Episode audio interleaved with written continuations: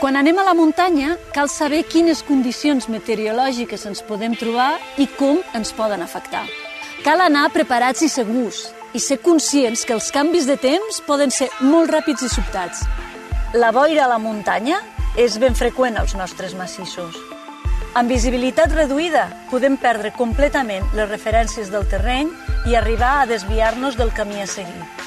Això pot fer que se'ns allargui massa la sortida o que ens desviem cap a sectors on, per exemple, tinguem risc de caiguda. Cal, doncs, preparar i conèixer bé el recorregut previst.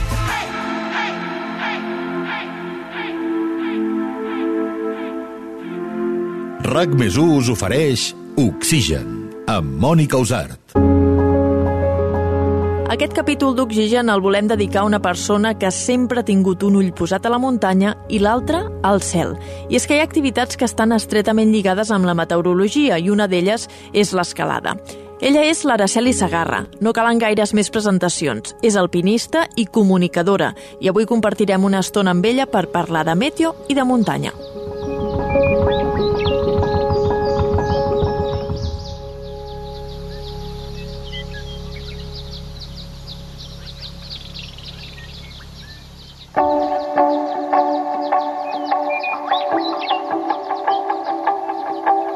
Aquest episodi entrevistem Araceli Sagarra.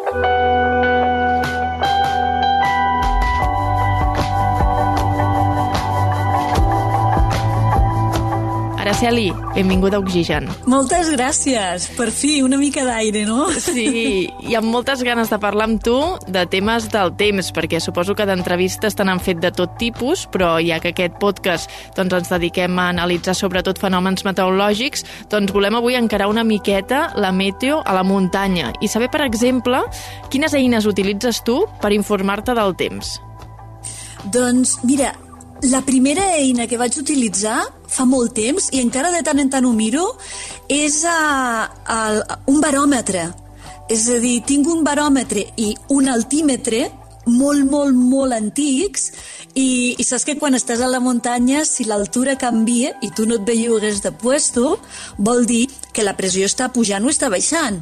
Llavors vas cap al bon temps o cap al mal temps. Doncs mira, això va ser lo primer, lo primer que vaig aprendre amb, amb 14 o 15 anys quan vaig començar a anar a la muntanya Uh, primer els baròmetres eren d'aquests uh, mecànics i després van sortir els primers rellotges uh, de canell no? digitals amb, amb l'altímetro que flipàvem, era un Casio el primer, el primer altímetro que vaig tenir llavors és això, quan tu veies que l'altura canviava i tu no t'havies bellugat de, de puesto, és que doncs venia bon temps o mal temps, així que curiosa que aquest va ser, diguéssim, la meva primera eina de, de predicció meteorològica. És a dir, només sabent si canvia la pressió, amb això ja pots fer un pronòstic, o almenys saber per on aniran els tiros.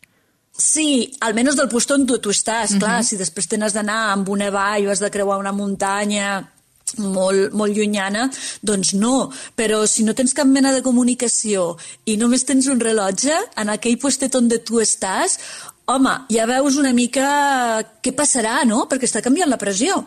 I, i només amb això ja veiem, uf, ve bon temps o ve mal temps, perquè jo recordo Uh, de les primeres expedicions que, que fèiem a l'any 91 i 92, inclús al 90, no? quan vaig anar a Kènia, jo me'n recordo que sortíem a, a fer doncs, l'activitat, si havíem d'anar a muntar el Camp 1, el Camp 2, i bueno, quan vas a muntar campaments, doncs vas endavant i enrere, tampoc passa res, però quan ja has de decidir a l'atac a cim i no tens predicció meteorològica, perquè estàvem aïllats. En l'any 92, per exemple, estàvem al Xixapagma, estàvem al Tibet, eh, no teníem comunicació amb el món exterior. Però tot i que l'haguéssim tingut, tampoc hi havien eh, patrons, no? ni un històric de predicció meteorològica d'aquells llocs, perquè no són llocs on viu gent, per tant, mm, no es feia la predicció. Ara ja sí, perquè lloc on va la muntanya, a la muntanya. Però primer que no existia un històric ni una predicció meteorològica. I segon, aunque hagués existit, nosaltres no teníem comunicació. Per tant, quan sorties a, a dir, bé, avui més o menys eh, s'aguanta i els propers dos dies també. Anem a veure si podem anar a cim. Era completament un moviment arriscat perquè no sabia si el segon dia et nevaria o si el dia que fas cim mentre estàs baixant t'enxampava una tormenta. No, no, no teníem aquesta informació. Per tant, per força, vosaltres heu de tenir un mínim de formació meteorològica, d'observació encara que sigui. Sí, una mica sí. L'únic que, que, que en aquella època teníem Um, well, clar, ara van passant els anys, van passant els anys, i bueno, aquest històric, no?, doncs més o menys uh, va, va creixent. Doncs en aquella època l'únic que teníem per guiar-nos de si més o menys uh, l'estàvem encertant més enllà de sortir de la tenda, mirar el cel i veure què estava passant, eh, doncs era saber quines, quins dies es solia fer cim. I, per exemple, si en els últims 10 anys doncs eh, la gent solia fer cim des de, per dir alguna no? de, de l'1 al 15 de setembre, doncs bueno, saps que aquelles solen ser els dies de bon temps, però tu també saps que, que aquests patrons doncs, canvien no? d'un any per l'altre, o inclús doncs, mm, el canvi climàtic també està fent que es vagin movent més endavant o més mm. enrere les, les estacions uh, climàtiques. Per tant, uh, bueno, anàvem una mica per instint i, i, i per uh, haver fet els deures, no? Tampoc no és només, mira, surto, sinó a busca, informa't, uh, bueno, igual que s'ha de fer ara, passa que ara tenim moltes més eines i ho podem fer molt millor. Oxigen. Ara et plantejaré unes quantes situacions meteorològiques un punt extremes perquè em diguis si les has viscut i si les has viscut com les has vist, com, com te n'has sortit, no? La primera, has viscut mai una tempesta a la muntanya amb llamps, eh, trons i calamarsa, per exemple? Ui, sí, sí, les he viscut jo, n'han viscut companys meus. Mira, mm, n'he viscut de, de, de, de, de diversos tipus. Sobretot les més heavies, les vaig viure quan era més joveneta, precisament perquè, pel que et dic, que, que a certs llocs doncs, no hi ha no? una predicció meteorològica. Mira, n'he viscut dintre de coves, és a dir, tu estàs dintre d'una cova, mm -hmm. passar doncs, moltes hores dintre i la meteo canvia en l'exterior, però tu no la veus. I assabentar-te que hi ha hagut una tormenta fora perquè de cop i volta eh, vam tenir una crescuda d'aigua dintre d'un avenc, no? I això és molt perillós perquè se te pot emportar. I és un so bastant aterridor, eh? Perquè tu estàs a dintre i són avencs on cor l'aigua, no? quan són molt grans, i de cop i volta sents un soroll aterrador de que ve cap a tu, algo, i que és una crescuda. I l'únic que pots fer és, si estàs en moviment, doncs intentar córrer i buscar un puesto elevat per sort, quan ens va agafar aquesta crescuda, nosaltres estàvem descansant i sempre descansem en llocs elevats, en predicció d'això. O almenys es feia abans, pel que et dic, perquè no hi ha no hi havia mm, aquesta predicció i bueno, vam estar dintre una cova, va haver-hi una crescuda molt forta, ens va enxampar que estàvem molt alts i no ens va agafar, llavors només l'únic que pots fer és esperar a que pari i a vegades no saps si l'aigua baixarà en dues hores o en Clar. tres dies. En aquest cas veu actuar bé abans que arribés la tempesta, això que dius tu, no? de, de prevenir abans que curar. Sí, sí, sí.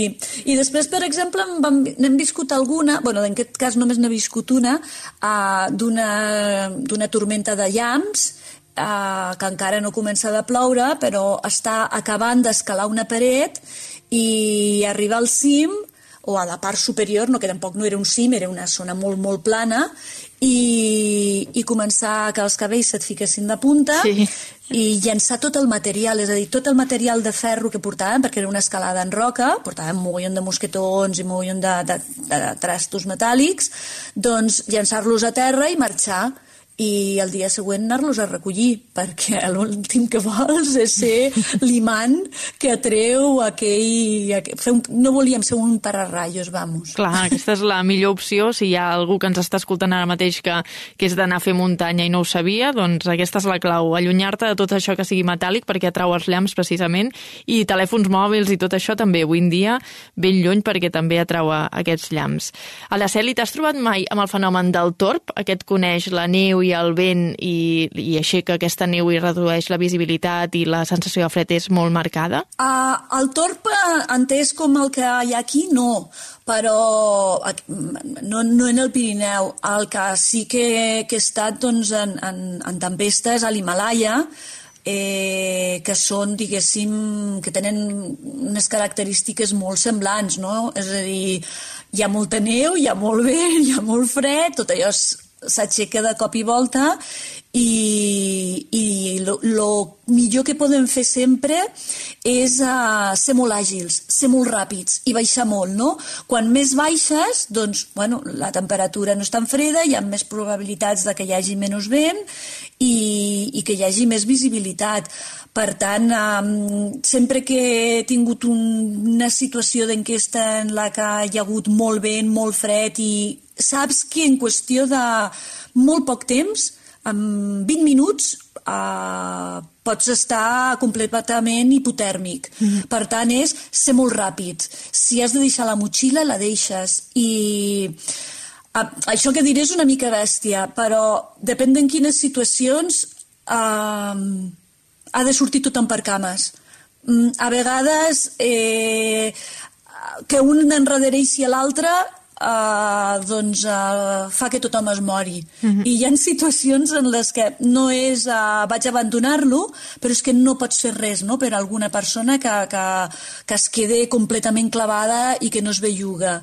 I, I jo sé de situacions en les que ha sigut millor sortir per potes sí.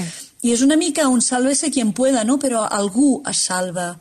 Normal, perquè si no ningú podria ajudar ningú tampoc. Sí, sí. Una llau l'has viscut mai? Malauradament sí, sí, sí. N'he viscut un de, de molt bèstia en el que miraculosament mm, davant nostre va, hi havia un, un sortint de roca i tota la llau que anava dirigit cap a nosaltres mm, es va desviar. És com si algú hagués ficat un dit i l'hagués dit, no, cap aquí no, i, i l'hagués apartat cap a, cap a l'altra banda, però mm, ens, ens hagués endut a tots i era a l'Himalaya i no l'haguéssim sobreviscut. Uau. I ho vau veure des de l'altre costat? No, no, el vam veure des de sota. És a dir, anàvem pujant, la paret es va, per sobre nostre es va desmuntar i ens venia a sobre. I un petit sortint va, va fer que es desviés a, a pocs metres de nosaltres. I la llau se'n va anar cap a una volta i nosaltres ens vam quedar quiets, parats, i agafant aire i dient què ha passat. Amb tot el que expliques, al final és una combinació entre eh, saber actuar bé i, i sort, també. Sí, hi ha una part de, eh, de vegades que...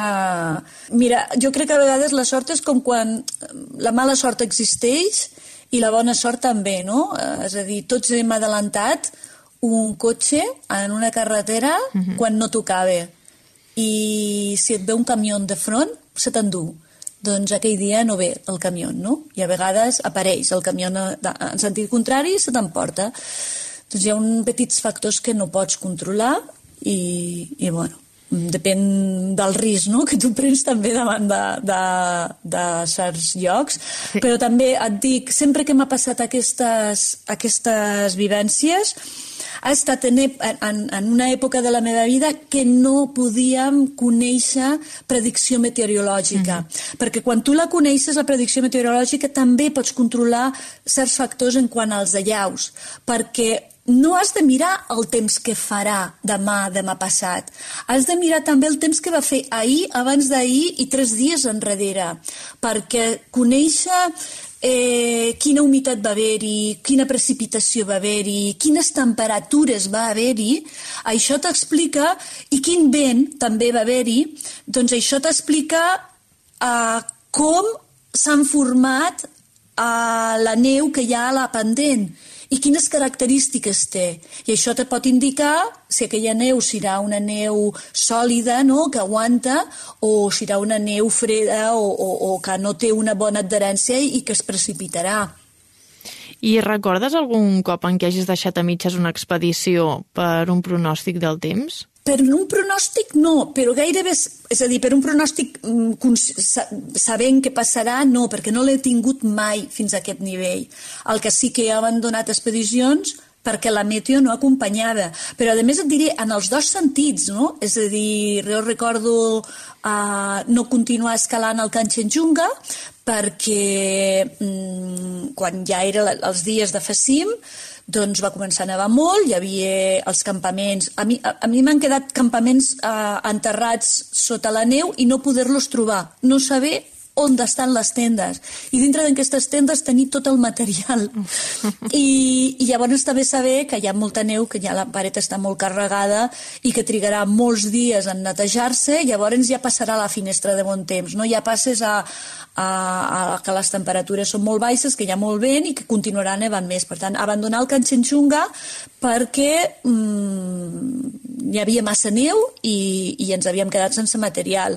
Però, en canvi, al K2, a la cara nord, no, a la cara nord no, a la, a, a la via Cessen, Uh, ens vam enretirar perquè estava fent molta calor i llavors aquesta temperatura feia que les, les pedres, rocs que hi han enganxats en el gel doncs caiguessin perquè no, no estaven, diguéssim, cimentats, no? El gel els aguanta, el gel, el gel les, les té empagades. Mm. I, I hi havia caiguda constant de pedres pedres que, que cauen com, com torpedos i, i era perillós. No podíem pujar per la paret per culpa de la calor. Clar, anem a l'altre extrem. Jo només t'he preguntat coses com el fred, el vent, la neu, la llau, però clar, també hem d'entrar aquí a les onades de calor, no? o les temperatures molt altes. Recordes um, quin és el lloc del món on tu has anat a fer escalada, una expedició, una sortida, un repte, on la meteo t'hagi sorprès més? On, a Patagònia. Patagònia és un dels llocs on la meteorologia és més adversa. De fet, la probabilitat de fer cims és més complicada, no tan sols perquè les parets són verticals, diguéssim, no les pots pujar caminant, només les pots pujar escalant, sinó perquè tenir una finestra de bon temps de tres dies és bastant complicat i de 5 ja no et dic. Llavors necessites molts dies per pujar aquestes parets, no, no, no només ho fas amb un dia. Però mira, t'explico una cosa molt curiosa de la Patagònia, de com ha canviat la mentalitat i aquest canvi de mentalitat ha fet que ara es pugui estar fent molt més cims, no? El cas és que fa cosa de... El primer cop que hi vaig anar, crec que va fer, feia 20 anys, mm, no hi havia predicció meteorològica. Llavors el que la gent feia era anar a prop de la muntanya, la distància des del poble fins a peu de paret, peu de muntanya, doncs és d'un parell de dies, a més, molt carregat, i has de portar molt material. Doncs la gent el que feia era acampar a prop de la paret, no en el poble. El poble estava lluny. Tu te'n vas a peu de paret i estàs en allà, a sota, amb la teva tenda, esperant que el temps sigui bo. I, i dors malament, menges malament, bueno, s'està ja en un petit camp base. Llavors, normalment esperes a que el temps s'obri, t'atances, quan arribes a, a peu de paret, a Patagònia el temps canvia molt ràpidament. Arribes a peu de paret, potser t'has passat 8, bueno, 8 o no, 4 o 5 hores caminant i quan arribes a peu de paret fa mal temps. Dius, merda, te'n tornes a la tenda i quan arribes a la tenda llavors s'obre la finestra de bon temps, però tu ja vas tard Clar. perquè ja has perdut temps anant i tornant. Llavors era com cremar mistos, no? El que es fa ara és, es viu al poble. El poble està molt lluny de la paret, però dorms bé, menges bé i tens informació meteorològica eh, precisa. Llavors, com que aquesta infor informació ja te dirà quina finestra de bon temps hi haurà i quants dies hi haurà, tu ja vas a, a tret, saps? Fixa, ja vas directe. És més dur perquè has de caminar molt més i quan arribes a peu de paret ja portes un cert cansament uh, d'haver sortit des del poble. Però si això ho prepares i ho entrenes i ja n'ets conscient, vas assegurar el tret. Per tant, compensa aquesta exigència d'afegir més dies i més, més esforç perquè assegures la jugada. Clar, sí, sí, sí, sí, és la manera d'acabar-ho fent, però això és gràcies també a tota l'evolució que hem tingut amb els pronòstics del temps, que et permeten fer això, no?, i tenir la previsió hora a hora del que passarà no només allà, sinó també en molts altres llocs del planeta. Sí, i a més, mira una cosa, quan nosaltres escalem a Patagònia, bueno, l'últim cop que vaig estar va ser fa uh, set anys, crec, o vuit, eh, però en aquella època han sortit moltes més pàgines i moltes més uh, uh, webs no? on, on, on hi ha aquesta predicció, però en aquell moment nosaltres utilitzàvem la predicció meteorològica d'una pàgina per surfistes, perquè estava especialitzada en el vent. Sí. I el que nosaltres ens perjudica a Patagònia és el vent.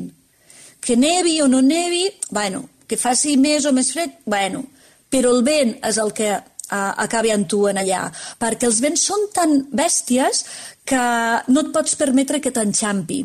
Quan tu baixes de Patagònia et dic que són cims que es baixen uh, i se, es pugen escalant i es baixen repelant, no es caminen eh, el fet de que no es camini vol dir que no pots baixar corrents, que has de repelar.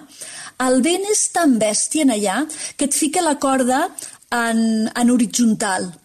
Per tant, la probabilitat de que facis el primer ràpel i la corda se te quedi enganxada amb algun sortint dels, dels voltants sí. és d'un 99%, així que no baixes de la paret. Si t'enxampen allà baix, no, allà, allà dalt no pots baixar, i si no et baixes, doncs mor, mors hipotèrmic de fred. Per tant, Patagònia és en aquest sentit un, un lloc molt extrem on la millor predicció és la dels surfistes, la que ens indica quin vent exactament hi haurà. Ens haurem d'agafar doncs, aquestes previsions també els meteoròlegs. Escolta, Maraceli, tens algun repte entre mans ara? Bueno, me'n vaig a Perú d'aquí un, un meset, més o menys, i, i estic una mica, ja te trucaré, eh? perquè m'he sí. dit com està el tema. Bàsicament perquè també ens preocupa molt l'augment de temperatures per precisament no, per la caiguda de llaus. Ara hi ha patrons nous que abans no hi havia, precisament per això. I, i aquí és on pot haver-hi no, la perillositat, algo nou que encara no saps com es comporta. I, I això esportivament parlant. Després, mira, et vaig a donar una primícia, que encara... Però te la dono només a mitges. Sí, digues. Eh, eh, estic en un tema literari i, bueno, d'aquí d'aquí sis mesos o així sortirà a la llum un nou llibre. Ens restarem esperant aquest nou llibre.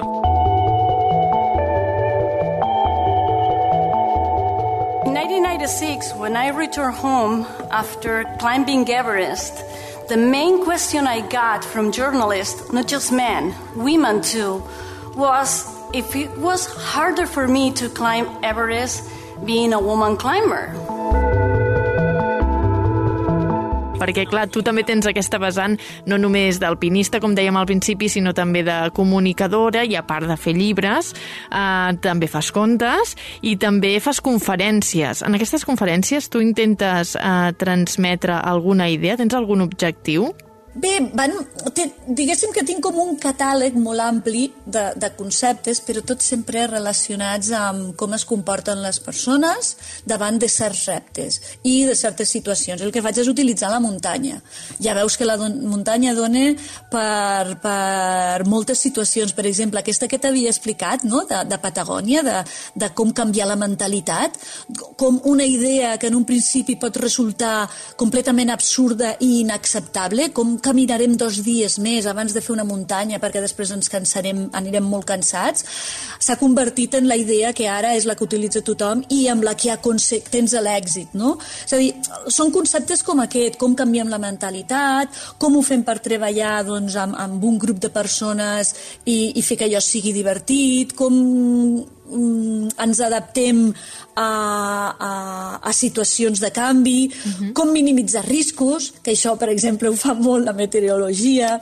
En aquestes conferències parlo de molts conceptes i, i utilitzo l'exemple de la muntanya, el mateix que t'he explicat lo de Patagònia, no? T'ho explico amb un exemple, amb un exemple real, perquè sobretot el que fa és que el recordis, no? Ah, jo, jo, jo un dels meus objectius quan dono una xerrada és que d'aquí un temps se n'en recordin. Probablement molts dels que han sentit ara aquest podcast doncs se n'en recordaran d'aquest exemple, no?, de lo de Patagònia, uh -huh. de que una idea que al principi pot resultar absurda, si li dones un parell de voltes i la matitzes, eh, s'acaba convertint en el que al final acaba funcionant. Doncs mira, amb aquesta idea, que és perfecta, ens quedem per acabar aquest podcast perquè ens estaríem hores i hores parlant amb tu, Araceli, però ho hem de deixar aquí. Moltes gràcies per aquesta estona compartida i que vagi molt bé. Moltes gràcies a tu. RAC més us ha ofert Oxigen, el podcast amb Mònica Usart i el disseny de so de Salva Coromina.